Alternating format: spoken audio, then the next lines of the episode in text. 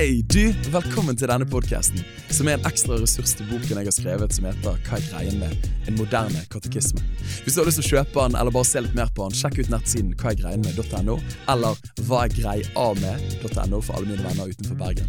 I boken så skriver jeg om tolv grunnleggende sannheter i den kristne tro, og prøver å gjøre det på en engasjerende og appliserende måte, både om du er kristen eller ennå ikke.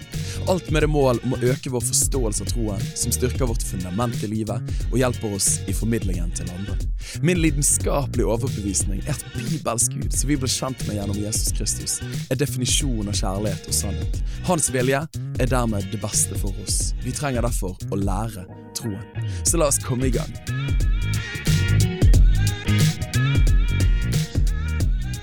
Kan du smette på et siste sitat? Får jeg lov til det, Helene? Du nikker nei, men jeg gjør det for det. Men en av mine store kristne helter er en som heter John Wimber, og han var kjent for å si at the Bible is the menu, is not the meal. Og det tror jeg er så bra sagt. Det forteller oss hvem Gud er, men det inviterer oss inn i en erfaring av bibelsk Gud. Ikke slå deg til ro med menyen, men lev for måltidet.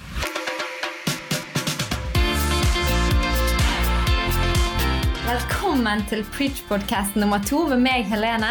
Og meg, Daniel Serbjørnsen. Stedet der vi ønsker å finne svar som er å sette fri og ikke fast. I denne måneds podkast nummer to søker vi å reflektere enda mer over månedens tema på bakgrunn av deres innsendte spørsmål, temafilmen, ekspertpodkasten og våre erfaringer fra livet og samlivet.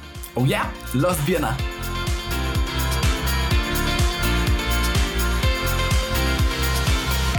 Yeah! Velkommen til en ny podkast nummer to med meg, Daniel, og min kone Woo! Helene. Du, er vi i gang igjen? Ja, det er jo lenge siden sist. Ja, Når er forrige gang vi spilte inn uh, nummer to? Jeg føler iallfall vi har sittet med uh, stuebordet i dette huset og spilt inn en. Ja, det har vi. Så det må ha vært i januar, da. Jeg lurer på om det var Verdens framtid og moral. Og så tok vi en pause og spilte inn bibelpodkast. Og da ble det en pause fra oss. Ja. ja, kanskje februar var forrige gang, da. Ja, det tror jeg faktisk. Det føles Februar. forferdelig. Februar, og mars. Ja, rundt her, ja. Mm. Dude, da må jo ha en liten oppdatering. Nå høres jo jeg ut helt sånn der uh, kjønnsmoden her i stemmen min. Eh, kjønnsmoden blir kanskje feil. Liksom hormonell eh, tenåring. Bær over med meg. Men uh, Helene, hva er det som skjer for tiden? Har det skjedd noe siden forrige gang? Altså, det har jo definitivt skjedd noe siden forrige gang. Men hva har skjedd? Det er jo det store spørsmålet. Ja, Det har vært litt vår. Det har føltes litt som sommer. Mm. Så har det føltes litt som høst igjen. Og så nå er det vi med liksom starten av sommerferien, da.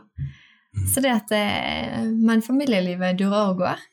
Så det er fint. Endelig begynner du å åpne litt opp igjen med koronarestriksjoner. Oh, det, det er helt amazing. fantastisk. Vi føler vi Ja. lever litt mer nå. Helt sant. Eh, Syns det er fantastisk å møte folk. Mm. Ja. Jeg vet ikke, har du noe å legge til? Jeg tror jeg må også si at vi, altså Det er jo første halvåret vi har bodd i vårt nye hus.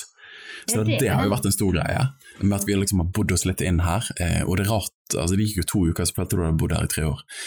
Men, eh, så det har jo vært en stor greie, å prøve å være litt sånn her husansvarlige. Og der skal jo jeg hands down si med en gang at jeg, jeg må jo tvinge meg til å prioritere å henge opp ting og gjøre ting i huset, for det faller ikke naturlig for meg ennå, da. Eh, men du bærer over med meg. Ja da, det absolutt, holdt jeg på å si. Og jeg tror ikke jeg er så veldig ulikt deg, det kanskje faller meg litt mer naturlig. Men vi har, eh, dette bør jo ikke, dette bør jo være noe av det mobbe aller først, men vi har to røykvarslere som ligger nede på en kommode. Så det kan jo være vi skal ha som mål å gjøre, gjøre innen 24 timer, for det tar jo ikke veldig lang tid å henge de opp. Men vi har røykvarslere, det skal sies. Ja da, det har vi. Det var at vi trengte å ha nye, Ja. tenkte vi. Mm. Så vi vet at det faktisk fungerer. Men ja. Yes! Men ok, la oss hoppe inn i det som var eh, månedens tema. Så hva er greien med Bibel! Så du, da kan ikke du gi en, eh, en sånn kjapp eh, sammendrag av månedens film? Du, Det kan jeg ta og gjøre. Og eh, Merket du hvor kjapp jeg var til å svare der? Det er på grunn av at jeg er skikkelig giret på disse tingene her. For dette, dette er kanskje den mest, altså det er den mest kompakte filmen vi noen gang har laget. Og vi sparket i gang serien som heter Hva er greien med Fill in the blank? Og første ut var Bibel. Um, og tanken her er at vi ønsker å ta klassisk kristen lære, som kalles på fagspråket for dogmatikk eller troslære, og så ønsker vi å ta liksom de tolv hovedsannhetene eh, kjernesannheter og komprimere de mest mulig, og forhåpentligvis presentere det på en måte som er forståelig for de som tror mye og de som tror lite, og ta kjernen i den kristne troen. Da. Og Førstemann ut er jo da Bibelen, som er vår hovedskilde for åpenbaring og egentlig all kristen tro, eh, og er jo den boken som kristne elsker og prøver å følge gjennom alle generasjoner på alle kontinenter i dag òg. Og eh, komprimert essens i filmen, siden du liker sånne essensfulle ting, Helene. Eh, essensfulle ting, hva er det for, for et ord å si? Men helt enkelt, jeg formulerte den første sannheten som følgende, at vi tror at Bibelen er Guds åpenbarte, inspirerte og ufeilbarlige ord til alle mennesker på alle steder til alle tider. Skriften er klar i sin tale, nødvendig og tilstrekkelig for å kjenne Gud, og øverste autoritet for all tro, lære og liv. Amen. Du, jeg er faktisk ganske fornøyd med de formuleringene der, og en dag kommer det til å komme en sånn systematisk teologisk tekstbok, hvis jeg er heldig. Eh, men jeg eh, håper at du hengte med på det. Hvis du ikke har sett filmen, anbefaler jeg den på det varmeste. Men oppfølgingen til den filmen var jo podkasten, ekspertpodkasten som vi kaller det. Jeg syns alltid det er gøy når jeg skal spørre folk har du lyst til å være med i denne måneds ekspertpodkast.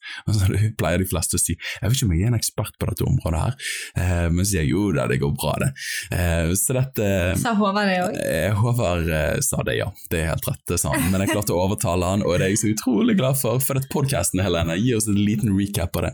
Altså, jeg må si eh, jeg syns podkasten var helt fantastisk. Jeg har hørt den to ganger. Oi. Det er ikke så ofte jeg hører podkaster to ganger. Jeg hører men jeg noen kjenner av mine podkaster to ganger. om jeg har gjort det. Ja.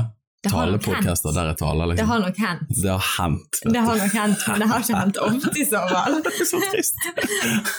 Nei, men jeg har jo gleden av å høre din stemme såpass mye at uh... Ja, og at det er så substansielt til enhver tid i hverdagen òg, som tale. Absolutt.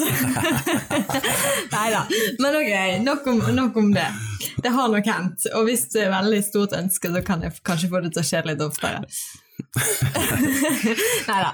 Men uansett, jeg syns Håvard eh, Jeg ble, ble inspirert. Mm. Altså, han har utrolig mange gode eksempler, eh, illustrasjoner, og så liksom bare å dele fra sitt eget liv hvordan hans reise har vært eh, inn mot eh, det å ha lyst til å lese. Jeg må jo si, jeg syns det er gøy å høre liksom, at Håvard bare sånn venter liksom, på at besøkene skal bli ferdig, for han har lyst til å gå hjem og lese i Bibelen. Mm. Der tenkte jeg sånn, der! Det skulle jeg gjerne ha litt. Det skulle jeg gjerne hatt litt mer av. ikke at jeg eh, ikke har lyst til å gå hjem fordi jeg må lese Bibelen, Mm. men, eh, men eh, nei, jeg syns det var inspirerende. Skikkelig inspirerende. Ja. Yes, Så det at han ja, delte med hva Bibelen har å si for vårt liv, og litt sånn praktisk òg. Mm. Hva har det å si for oss? Ja, Og hvordan kan det se ut? Men du, hva syns du var det beste? Du, eh, jeg må jo si at det var en utrolig treat av med Håvard. Han er jo min ungdomspastor og din ungdomspastor, mm. så dette var jo litt sånn her eh, minst du sang en opplevelse for oss å høre han. Og når jeg hørte han, jeg hadde en, en god venn av meg som kom til meg, som vokste opp i ungdomsarbeidet sammen med oss, og han bare sånn Shoot, det der var så utrolig bra, det var Håvard på sitt beste. Så jeg tror mange av oss som vokste opp med han som ungdomspastor, nå er han pastor i Kristkirken i Bergen, eh, for jeg glemte å presentere han. Eh, men det tror jeg for mange av oss er det bare sånn Å, dette er sånn du husker han, og det betydde så mye for oss i begynnelsen av vår kristne reise, og, og den inputen som han bar, og det livet han levde. Men jeg tror kanskje det, det jeg sitter igjen med hovedbildet, og det var en som sa om Håvard eh, for noen dager siden, han sa at Håvard er olympiske mester i metaforer, eh, og det tror jeg faktisk jeg kan eh, tilslutte meg. Håvard er utrolig flink med bilder, bilder på sannheter Ja. og analogier og illustrasjoner osv. Men han brukte det bildet av en kaptein og en dykker. da. Mm. At i møte med Bibel så har du f.eks. de som er kapteiner, som bare sitter på en pub, brukte en bilde av, eh, liksom skryter av 'jeg har vært på alle jordens hav', og 'jeg kjenner enhver strømning', osv. Og, videre. og så sitter det en dykker ved siden av og tenker med seg sjøl 'du kjenner virkelig ikke hav. For at du har sett det fra oppsiden, men jeg har vært på dybdene, jeg har sett korallrevene, jeg har sett alle artene, jeg har sett disse tingene eh, som er der nede, og det er så langt mye mer. Og for meg var det et kjempe, kjempepåminnelse på at én ting er kunnskap, men en annen ting er kjennskap. En ting er å vite, en annen ting er å erfare. Eh, og det tror jeg, jeg tror ikke det er motsetninger, men jeg tror ikke at du, at du bare kan ha den ene på bekostning av den andre. Jeg tror du trenger begge deler. da. Du da, Lea?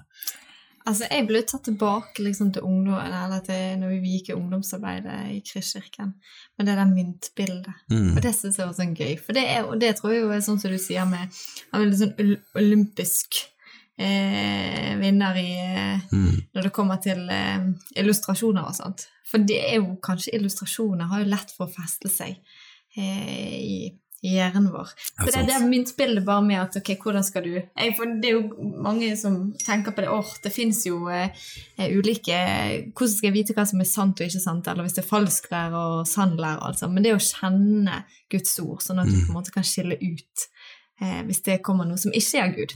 Mm. Eh, og eh, akkurat som mynter, det å bare bli veldig god på det som er ekte mynter, Ja, eller ekte sedler, sånn at du vet med en gang når det kommer noe som ikke er ekte. Nei, så det var, jeg syns det var gøy. Ja, Men det er generelt gøy å høre historier. Ting eh, man har opplevd, hvordan Ja. ja. Mm. Nei, veldig bra. Nydelig. Mm. Men du, vi har fått spørsmål. Eh, Først har vi lyst til å si tusen takk for alle spørsmål eh, som har blitt sendt inn. Det er jo veldig spennende. Ja. Dette her, jeg må jo si for min del at nå har det på en måte vært på et sånt nivå som er litt mer sånn eh, Personlig og praktisk. Ja, til nå, ja. Mm. Og så nå er det kanskje litt mer sånn teknisk. Mm. Og da er jeg veldig glad i å gifte med deg. Av mange grunner, men også denne. Men eh, det er veldig gode spørsmål. Ja, og masse engasjement vekk til det, så det var utrolig gøy. Gleder oss til å ta fatt på de. Jeg tror vi bare hopper i gang. Jeg. Spørsmål nummer én det er kan du si noe om Bibels troverdighet? Og hvordan kan vi vite at akkurat Bibelen er Guds ord? Du, dette er kjempegode spørsmål, og uh, dette er jo egentlig to spørsmål som kommer inn. Uh, og uh, når jeg så spørsmålet som kom inn, så tenkte jeg å shoot, vi pleier jo ofte å bare øse av livet vårt eh, og vår egen livserfaring, men her er det litt sånne, sånne apologetiske spørsmål, så da måtte jeg sitte meg ned og, og jobbe fram litt. Grann. Eh, og her kan mye sies, og vi rekker på ingen måte å uttømme dette feltet her, så prøver å formulere meg i korthet, men når det kommer til Bibels troverdighet, eh, og hvordan kan vi vite at Bibelen er Guds ord, så har jeg lyst til å bare stoppe litt opp og bare gønne på med noen ganske gode argumenter som backer opp disse tingene her. Da. Jeg mener jo personlig at Bibels eget vitnesbyrd, det han sier om seg sjøl, er bra nok, men jeg tror særlig i dagens Norge, eh, og når du lever i en mer sånn eh, skepsis tro, så kan det være fint med noen perspektiver utenfor Bibel òg.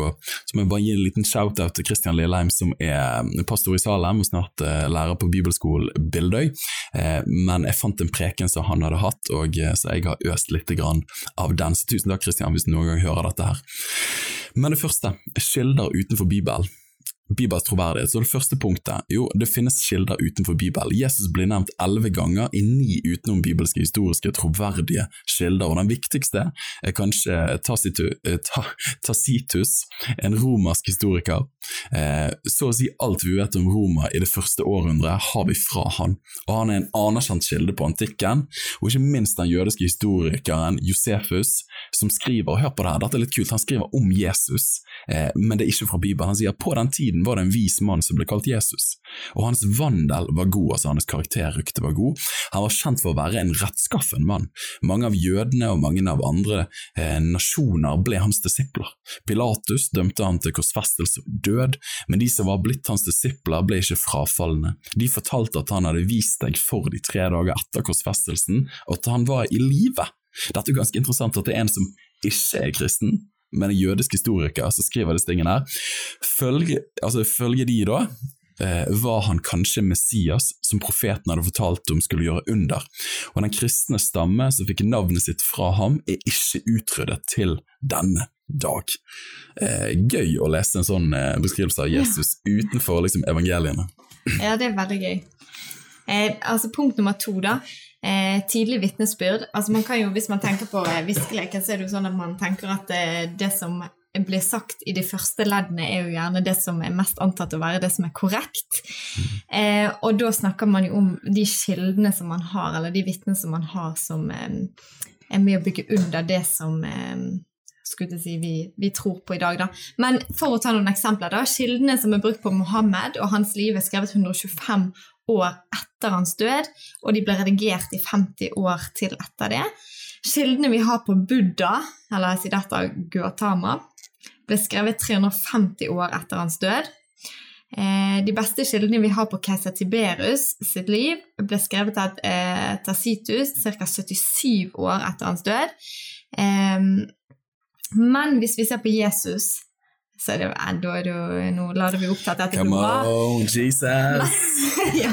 Men den seneste kilden vi har på Jesus, er ca. 65 år etter hans død. Oh, det. Det vil si altså at den dårligste kilden vi har på Jesus, er bedre enn den beste for Tiberus, Tiberius, altså keiser Tiberius. Um, og likevel så er det få som stiller spørsmålstegn om det vi vet om Tiberius, som er jo et, da et tankekors. Eh, Virkelig. Etter eh, alle spørsmålstegn som Jesus kanskje har fått eh, slengt etter seg, holdt jeg på å si. Og punkt nummer tre, manuskriptenes antall. Altså, jeg ville jo tenkt, og jeg tror jo mange er enig med det, at jo flere eh, manuskripter eller man finner på en gitt hendelse eller en person, da vil man tenke at eh, de er mer gyldig, eller større grunn til å tro på det. Akkurat som i en rettssak. Jo flere vitner, Ja. jo mer troverdig er forklaringen Absolutt. i så fall. Absolutt. Så hvis vi tar og ramser opp litt her, da, da blir det jo bare bedre og bedre. det kan Åh, gjøre jo det er gøy, vet du. Men vi har ti kilder til livet om eh, Julius Cæsar. Vi har 20 manuskripter til Tacit, eh, Tacitus, eh, som var den mest troverdige romerske historikeren som Daniel nevnte. Til eh, hva, Hvem er det? Homer sin eh, Bok, bok? Iliaden. Iliaden. Ja, ja, ja. Har vi 643 manuskripter, så det er jo faktisk veldig bra. Mm. Men på Det nye testamentet, der fins det intet mindre oh, enn on. 24 633. Så det er jo helt vilt. Og det er jo faktisk, den neste på listen er jo den Iliaden-boken. Mm. Og den er jo da nesten 24 000 manuskripter bak Det nye testamentet. Så det er jo bare å bøye seg i støvet. Og dette er, Dette dette er er, jo- fakta utenom Bibelen, Ja da. ja. Ja. og som er historisk etterprøvbare. ja. Ok, punkt nummer fire. Øyenvitner som bevis og deres egne smerter. Eh, Det var øyenvitner som skrev ned det de hadde erfart, og bare detaljene som de fikk med, f.eks. 153 fisker de fikk i garnet Johannes 21. Og som Johannes skriver òg, at det de hadde hørt om, det de hadde sett og det de hadde tatt på, altså Jesus, det var det de skrev om, og det de hadde sett og det de hadde hørt, det skrev de.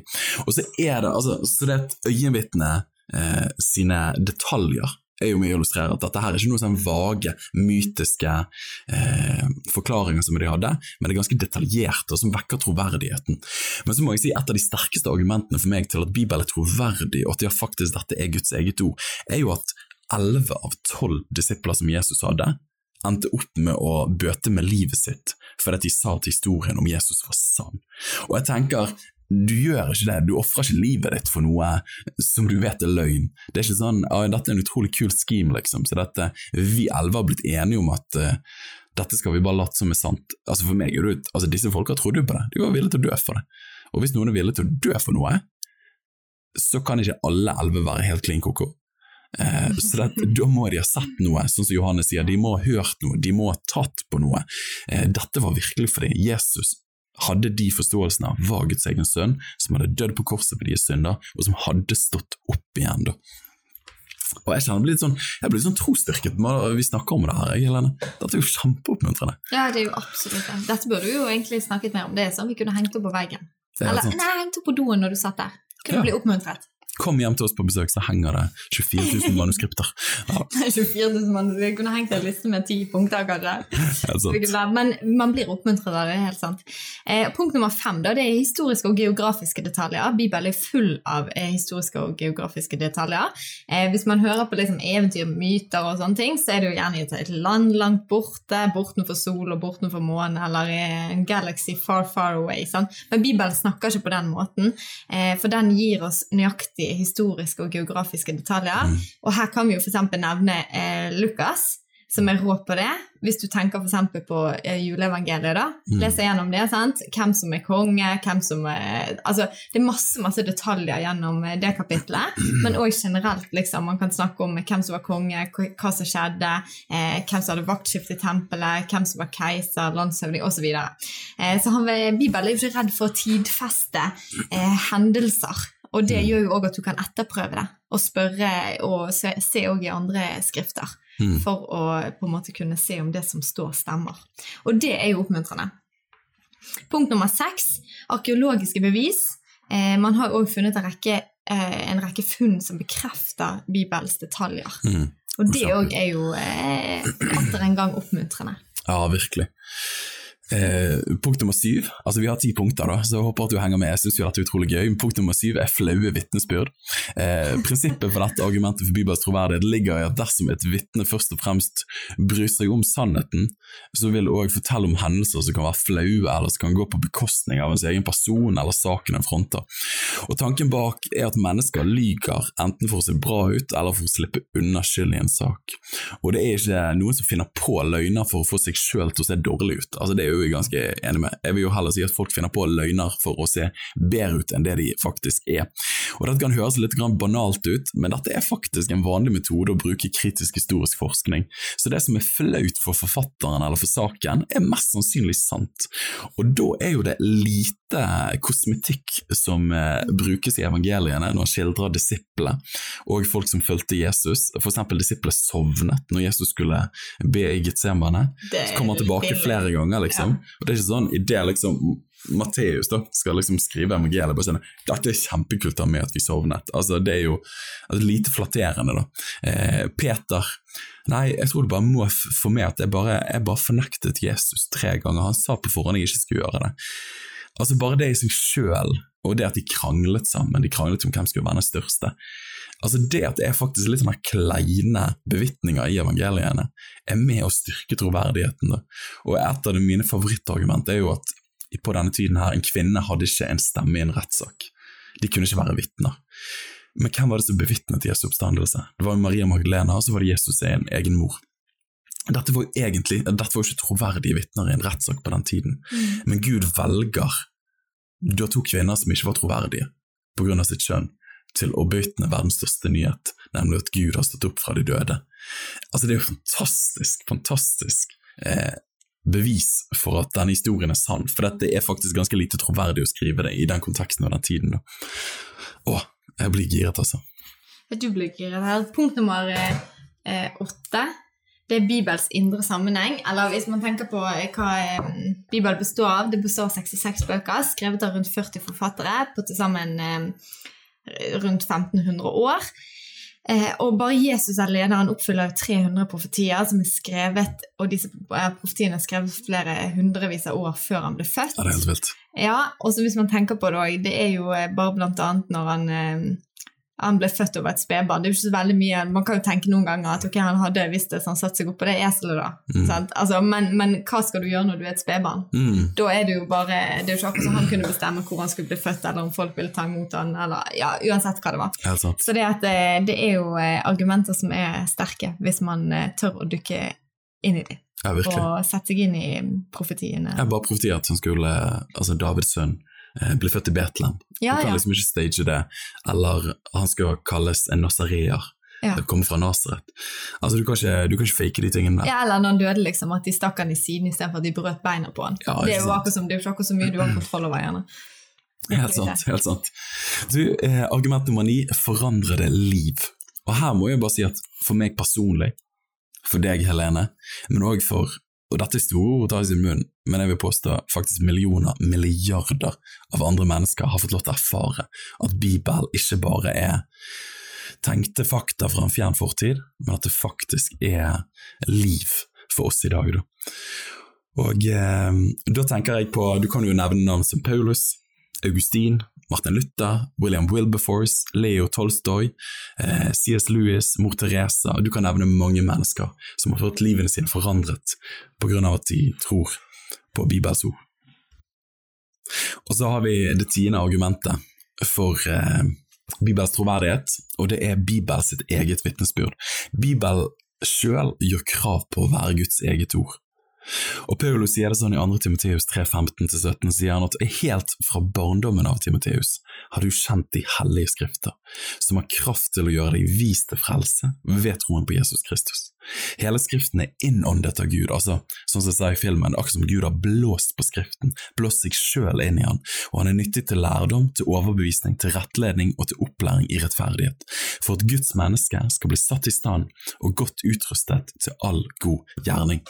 Ok, dette her var ti grunner for Bibels troverdighet, og håper at det ga deg mye. Hvis du har lyst til å, å sjekke mer ut om disse tingene, våre kollegaer, mine kollegaer, i damaris.no, eh, der får du mye stoff på disse tingene her, apologetisk stoff, og ikke minst snakkomtro.no. Og Spørsmål nummer to som vi har valgt ut, er hvordan ble akkurat disse 66 bøkene Guds ord? Det var et godt spørsmål. Det er et godt spørsmål. Det er jo et spørsmål man gjerne møter på eh, ikke veldig ofte. Det er kanskje en del andre spørsmål som stilles i dag òg, men dette er jo et spørsmål man møter på fra tid til annen. Ja, det Og som man eh, gjerne eh, av og til tenker på. Ja. Så det er jo gøy. Men i, eh, altså, i Det nye testamentet, da, i de første 300 årene etter at Jesus etter Jesus så var det mange brev og skrifter som florerte. Eh, både en blanding av eh, det vi anser som gnostiske, falske, fantasifulle som f.eks. Eh, Thomas evangeliet, Judas evangeliet, eh, men òg andre kristne verk som likevel ikke kom med i skriftens kanon. Eh, som f.eks. Datsje. De da skjer. Du har ikke studert teologi. Jeg har ikke studert teologi. Burde kanskje gjort det. Hermans hyrde, stemmer det? Det stemmer? Barnebas brev osv. Eh, de hadde nemlig noen kriterier eh, for hva, hva som ble godkjent for å være med i det vi nå sier Bibelen. Og de eh, Nå kan jo dere, eh, hvis dere sitter med på pause, så kan dere tippe hva de kriteriene var. Mm. Og så skal jeg ramse de opp nå. Ja. Det ene var at de måtte være skrevet av en apostel eller eh, av en nær til en apostel. Mm. To, være i samsvar med eh, Gamle testamentet og med apostelens lære. Det er jo en god ting å være det. Eh, og så må de være, ut, eh, være i utstrakt bruk i kirkene. Og det siste punktet er at de bøkene som var verdt å dø for. Mm. Ja. Det er faktisk eh, gode kriterier, det her. Det gamle testamentet, det er jo ofte vi kristne snakker gjerne ikke for mye om det, eh, men Det gamle testamentet, fra ca. år eh, 1200 før Kristus til 400 før Kristus, satte jødene sammen GTs bøker, de, eh, de eh, 37 bøkene i Gamle testamentet. Nei, 39 bøker, og så er det 27 i Nytestamentet. Nå skal ikke jeg tulle her.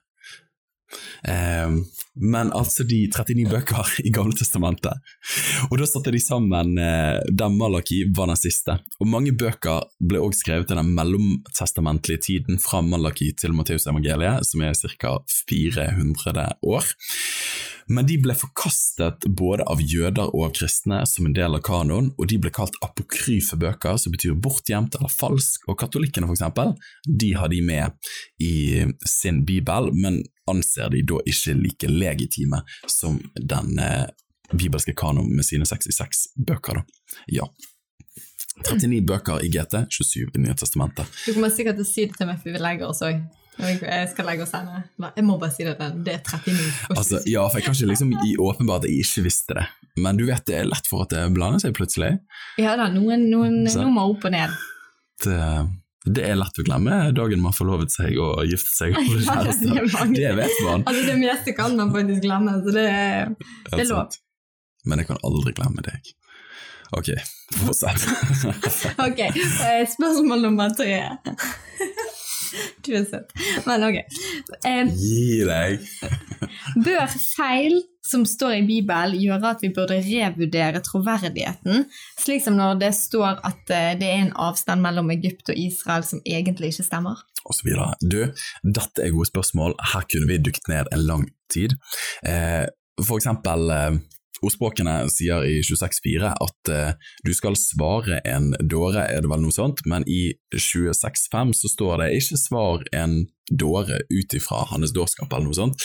Eller for eksempel at Matteus plasserer bergpreken på et fjell, mens Lukas, der kalles det slettepreken, og der blir han plassert på en slette. Eller i andre krønikabok så leser man om Abia, Abia, at han var en god konge, mens i første kongebok 15 så leser du at han var en dårlig. Ja, og ble vi mennesker eh, skapt sist, altså i, i første Mosebok eh, 1? Eller ble vi skapt først, altså i første Mosebok 2, da, altså de ulike skapelsesberetningene som du har der. Du, dette her er kjempegode spørsmål, her er det mye som kan meldes. Men jeg tror ofte at spenninger og motsetninger som vi møter på i Bibelen, og som vi kaller det, ofte er på grunn av at vi misforstår sjangeren til teksten vi leser, og hensikten med den passasjen av tekst. Eh, og eh, Bibelen er ikke ment til å bli lest med våre historisk-kritiske tilnærminger. Av og til så kommer vi med briller fra vår tid og prøver å presse det på teksten fra en annen tid, uten å forstå at vi må forstå den konteksten og det han formidler i sin samtid. Og så må man være villig og ydmyk og tenke at de tenkte ikke helt sånn som vi tenker. Eh, de hadde ikke datamaskiner, de hadde ikke iPhoner, de tenkte annerledes, de levde på en annen måte. Så det, i all prekenlære snakker man om eksegese, som betyr å forstå teksten der og da, før man gjør hermeneutikken, som betyr å forstå teksten her og nå. Så vi må være villige til å ikke presse vår forståelse på en tekst fra en annen tid. Eh, det tror jeg er kjempeviktig, forstå sjangeren eh, og forstå det kulturelle øyeblikket for den teksten i den tiden på, den, på det stedet og med den forståelsen. Og for eksempel, håndhilsing her oppe på berget er jo veldig vanlig hvis du møter folk og det er ikke corona times. Men hvis jeg har forstått rett, drar du til Midtøsten noen steder og drar fram høyrehånden din, så er det überfrekt. Hvorfor det?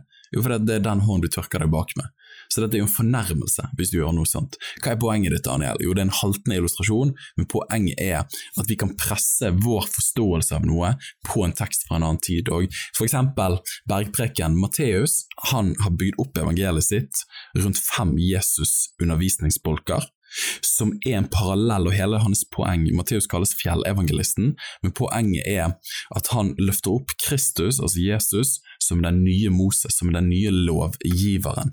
Derfor plasserer han Jesu undervisning om bergpreken opp på et fjell, for at akkurat som eh, Moses fikk loven på Sinafjellet, så viser han også hvordan Jesus er en større lovlærer, og han òg hadde sin mest kjente tale på et fjell. Og for eksempel der Moses kom ned og, og, så at folket drev avgudsdyrkelse rundt en gullkalv, og så knuste han steintavle og det ledet til fordømmelse, så er historien i Matteus 8 vers 1-4 at når Jesus kommer ned fra fjellet etter bergpreken, så møter han en spedalsk mann som er uren, som er en parallell til at folket drev avgudsdyrkelse rundt en gullkalv, men der Moses sin lov ledet til fordømmelse, så ledet Jesus sin undervisning og person Jesus Kristus, for han kom både med nåde og sannhet, så ledet det til at den urene ble gjort ren. Åh, hvis du fikk det med deg. Det var en evangelisk gullklump bare der. Eh, er du med meg? Mens Lukas skriver til et helenistisk samfunn, altså en, en mer gresk kontekst, som ikke har parallell til Moses like sterkt, og da er det ikke av samme betydning. Er du med meg? Så det Helt enkelt, det handler om hva er det den tekstpassasjen prøver å få fram.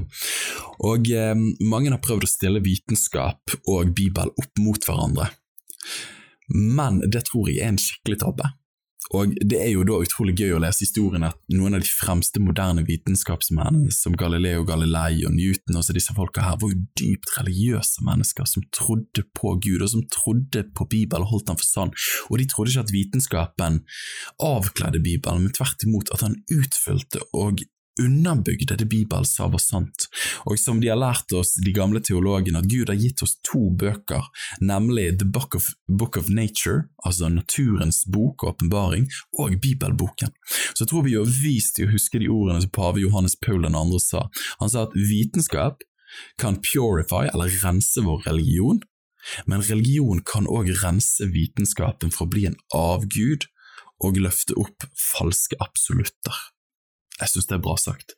Vitenskap og Bibel, The Book of Nature and The Book of the Bible, er ikke motsetninger, men de opplyser og utfyller hverandre. Der kan du få lov til å nikke lett begeistret der du sitter på bussen og hører dette. Syns du det var kult, Helene? Jeg syns det var kult. Ja, det er gøy med disse tingene. her. Vi er jo ikke så veldig sånn apologetiske av oss. Eller vi er jo egentlig det. Jeg, i hvert fall for min del, jeg er det mer og mer.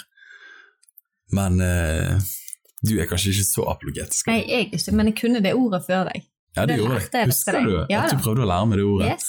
Jeg prøvde å lære deg eh, apologetikk. Det var det. Jeg bare, apo, apo, apo, apologetikk. Altså, jeg bare fikk det ikke til å gå opp, da. Nei, så jeg kunne det ordet før deg. Ja, men det stoppet for meg der, kanskje. Eller mer, iallfall. Det... Du har liksom skutt fart. Jeg har nok eh, inntatt det landet mer enn deg. Ja. Det skal nok innrømmes. Men det er godt at vi er ett, som Bibelen sier. Skål. Neste spørsmål. Kan man si at Bibelen på dens ulike grunntekster er nærmere Guds ord enn den norske bibeloversettelsen? Godt spørsmål. Ja, altså det er jo, jeg må jo si, bare når det kommer til disse bibelspørsmål, utrolig mange gode spørsmål. Og det er ting man støter på eh, fra tid til annen. Det tror jeg har sagt ved hvert spørsmål nå, så nå skal jeg slutte å si det. Men jeg mener det ennå. Ja. Um, men det er jo Altså, Bibelen har jo, eller Det nye testamentet har jo eh, mange eh, manuskripter eller eh, tekster, både på gresk og latin og syrisk, slavisk, gotisk, etiopisk, koptisk og arameisk. Eh, så det er jo det er, Man finner jo tekster på veldig mange ulike språk. Eh, og det har jo òg Gamle testamentet. Det har jo både på gresk og latin. Eh, og Dødehavsrullet var jo et stort funn der. Men Jeg må bare slenge inn, Ja. siden du ikke sa de fine ordene, men Septuaginta, som er den greske oversettelsen av Gamle testamentet, LXX, og Vulgata, latin. Altså, Du kan ikke hoppe over sånne detaljer som det. Det går ikke. Hvis du heter Helen, kan du på en måte det. Ja, det, det er bra vi to. Ja da, da fikk Daniel noen litt sånne eh, fine ord.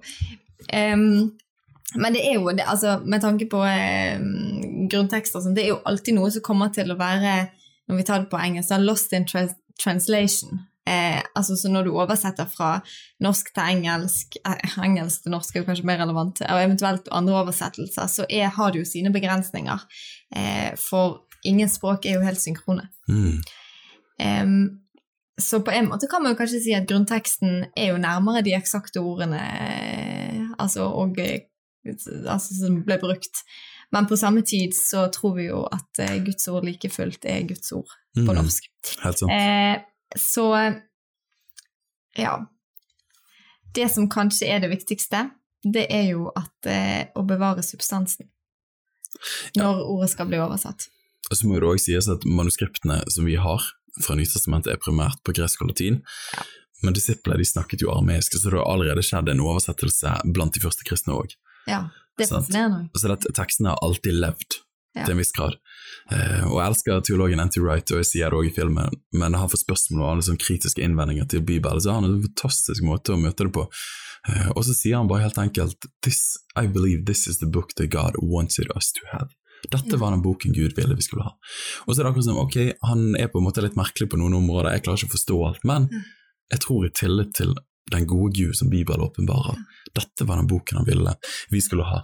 Kan vi bare også si noen ord om bibeloversettelser? Man skiller jo gjerne mellom idiomatiske bibeloversettelser og konkordante. Idiomatisk handler om at du oversetter idé for idé eller mening for mening, og konkordant er jo mer ord for ord oversettelser. Og I Norge så har du Norsk bibel 8807, eh, som er mer konkordant, som vi spilte bibelpodkast, da brukte vi den. Som er veldig tekstnær, men kan kanskje være litt kronglete i språket. Men så har du Bibelselskapet sin 2011, som er mer idiomatisk, som er mer liksom idé og mening, og språket flyter gjerne litt finere. da. Jeg tror at tipset her er å lese ulike oversettelser og la de utfylle hverandre. Mm. Men jeg tror, og dette er jo et hjerte, hjerterop for meg, men primære poenget med Bibelen, Helene, Mm. Er jo ikke kunnskap først og fremst, men det er kjennskap til ordets forfatter. Og jeg har sitert dette verset mangfoldige ganger, men Johannes evangeliet, det femte kapittelet og 39. verset og det følgende, så sier Jesus når han snakker med fariseerne, og de skriftlærde, så sier han, dere gransker skriftene, for dere mener at dere har evig liv i dem. Og så sier han, nettopp. Og de bare tenker, ja, det var det jeg visste, takk for at du endelig bekreftet det. Og sier han, nei, men nettopp, de vitner om Mm. meg. Og så fortsetter han, men dere vil ikke komme til meg, så dere kan ha liv. At poenget med Skriftens informasjon er jo alltid at det leder til en transformerende relasjon. Veldig bra. Det kommer jeg på akkurat nå. Men poenget er informasjon som leder til relasjon, som er transformerende og forvandler oss. til. Det er poenget med Bibelen. Så det er gresk er nærmere akkurat det Gud ønsket å si. Ja, på sett og vis kanskje, men essensen tror jeg kan kommuniseres like bra. Men vi trenger alltid å jobbe med oversettelser, og vi trenger smarte folk som studerer tekstene, sånn at vi kan få en best mulig forståelse av hva Guds ord faktisk sier. da. Ja, og det er jo sånn, det er utrolig fint med ulike oversettelser på en måte, for det leser du plutselig, altså, eller, jeg tipper det er mange som hører på som leser gjerne på engelsk i tillegg, sant? og plutselig får du det inn på en litt annen måte, de brukte et litt annet ord, som gjør at man gjerne får en større forståelse for det man Mm. leser. Og det er jo, det er jo fantastisk. Helt sant. Eh, og mennesker har jo allerede vært med å skrive Bibel. Tenk at Gud lot mennesker få lov til å skrive. Altså Det er jo helt vilt òg tenke på. Så på en måte har jo mennesker allerede vært borte og kludret med det, men Gud sier jo like fullt ut at det er det ordet han har lyst til å gi til oss. Å, fantastisk. Så um, oh, lese litt ulike oversettelser, litt forskjellige ord. Eh, nå høres det nesten ut som jeg oppfordrer til at det skal bare flyte helt ut i eh, noe annet, men det gjør man jo ikke. Men, eh, men det å kunne eh, ja, se det fra litt ulike sider, det tror jeg er bra, og med litt ulike ord. mm, Det er helt sant. Det er jo som eh, Det er jo som å møte personer som kjenner den samme personen, Mm. men så skildrer de den personen litt ulikt. Mm. De beskriver den litt ulikt. Så du blir litt bedre kjent med personen gjennom de ulike øynene. Da. Det er godt sagt. Mm. Du, Siste spørsmål. Dette her er jo kjempegøy. Hva er deres favorittvers og bok i Bibelen? Å, takk for et litt sånn enkelt spørsmål på slutten. Helene, du kan kjøre først. Oh, nå kom jeg på at jeg hadde ikke tenkt så mye på hva som var min favorittbok, men det burde kanskje falt meg veldig naturlig hvis det skulle være min favorittbok. Jeg tror jeg må si faktisk favorittboken min tror jeg faktisk er romerne. Mm. Åh, it's a Ja. good one. Jeg bare det, Der står det mye bra, da. Det gjør det jo overalt, men der står det Nei. Men i alle fall, det jeg tenkte på, da Mitt favorittvers er i alle fall fra Salme 37, vers 3. Og det tipper jeg er et sånt vers ikke så mange har som favorittvers. Mm. Men der står det altså 'Stol på Herren og gjør godt'. Bo i landet og lev av hans trofasthet. Jeg husker ikke liksom når jeg oppdaget det verset, men jeg føler at det er et sånt vers å leve på, som jeg på en måte dekker livet mitt litt. Og Stol på Herren og gjør godt. Ok, jeg skal få lov å stole på Gud. Jeg skal få lov til å eh, gjøre det som er godt. Mm. Det handler om hva jeg skal bruke eh, på en måte tiden min på. Og så skal jeg få bo i landet, jeg skal få være der Gud har satt meg til å være. Og så skal jeg få lov å oppleve at han er trofast, at han tar seg av meg når jeg eh, gjør godt og lever der han har satt meg. Åh, fantastisk, da. Yes. Så nå vil jeg bare dele det ut hvis noen andre vil ha det som favoritt. Ja, grab it. Få det opp på kjøleskapet. Ok, det kan være de heller vil ha ditt eh, favorittbibelvers. Daniel. Hva er det? Jeg vet hva, eh, Mitt favorittbibelvers og min favorittbok det er faktisk utrolig vanskelig for meg å si. Og Jeg har blitt stilt det spørsmålet mange ganger, men jeg altså Det høres klisjé ut, men det er lov til å si jeg bare, jeg bare elsker så mye av Bibelen at det er vanskelig å si at liksom disse ting. Men jeg tror kanskje det er mer presist å si ulike sesonger. Så er det ulike bøker og ulike vers som betjener meg. Da. Og det er litt sånn som med deg, Helene. Jeg kan liksom ikke sette fingeren på at akkurat den tingen liker jeg bedre enn noe annet. Eh, du er så mye. Så dette, Jeg hadde tenkt å foreslå det for deg nå. At det er jo sånn med meg. Men det var jo fint at du tok det opp istedenfor at du tok det opp. Jeg satt og tenkte det var kanskje ikke like sjarmerende hvis jeg sa det. Nei, men du sa det. Sant? Vi er jo som et gammelt ekspar, vi vet hva den andre tenker. Nesten. Ikke alltid. men ok, hvis jeg skal si bok, da, så tror jeg Jesaja har en veldig nær plass i mitt hjerte, på grunn av eh, alle de løftene som står der. Eh, har betydd grådig mye for meg gjennom ulike sesonger av livet. Eh, særlig litt sånn av Jesaja og kapittel 30 og utover, så blir det bare bedre og bedre. Eh, så det, seg rundt Ja. sånn 60 ja, år. oh my goodness, liksom. Hva så herlighet. Du kan jo skrive bøker på bøker. Eh, så det er bra. Men evangeliene er jo en alltime-favoritt der jeg får lære om Jesus. Men nå begynner du å eh, Nå begynner jeg å løpe, og så bare smetter jeg inn noen apostelens gjerninger, for jeg syns den også er bare fantastisk, hvordan vi kristne er kalt til å leve. Du vet, apostelens gjerninger har egentlig ikke et punktum. Det er du og meg som mente å skrive, skrive kapittel 29. Ok, Men verset Nå kjente jeg min kone sendte en stygge blikk, og det fikk ikke dere med, og det skal dere være glad for. Bare sånn sånn blikk, eh, Daniel. Fortsett.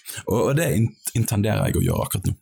Eh, men verset som lever i meg for tiden, da, er Apostelens gjerninger 1336. Og dette er et fantastisk vers, det kan du si deg enig i, Helene. Du er sikkert Ja. spent på hva jeg skal si. Nei, jeg er ikke spent på hva du skal si. Men det er et, det er et fint vers. Det er et veldig fint vers. Det står om David.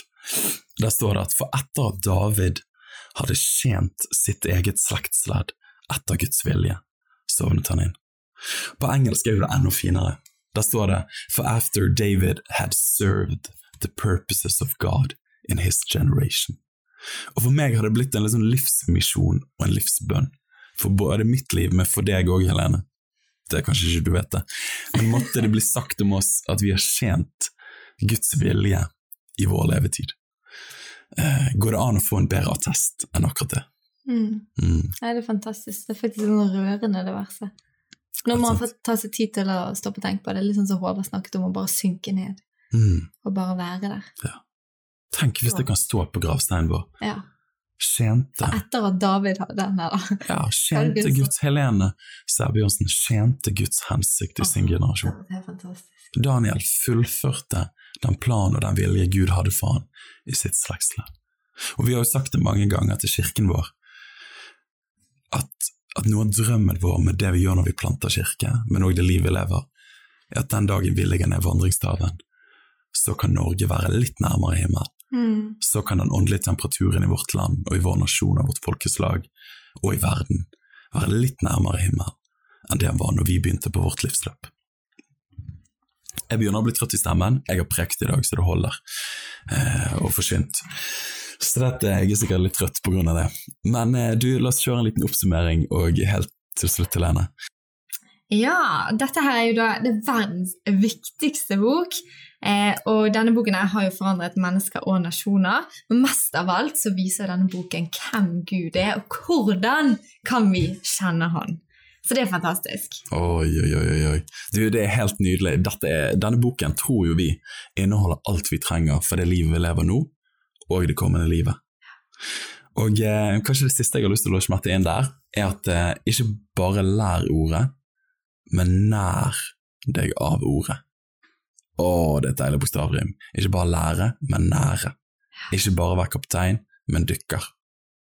Og at Skriften er informasjon som leder til en transformerende relasjon med Jesus Kristus. Og kan jeg, kan jeg smette på et siste sitat? Får jeg lov til det, Helene? Du nikker nei, men jeg gjør det for det. Men en av mine store kristne helter er en som heter John Wimber, og han var kjent for å si at the Bible is the menu, is not the meal. Og det tror jeg er så bra sagt. Det forteller oss hvem Gud er, men det inviterer oss inn i en erfaring av bibelsk Gud. Ikke slå deg til ro med menyen, men lev for måltidet. Oh yeah. Du, okay. Tusen takk for alle innsendte spørsmål og at du lytter inn til oss. Og eh, tusen takk for at du er med på reisen her i Preach, og håper at du er med de neste månedene der vi snakker om hva er greien med fill in the blank, der vi er med å søke svar som er å sette fri, og ikke sette fast.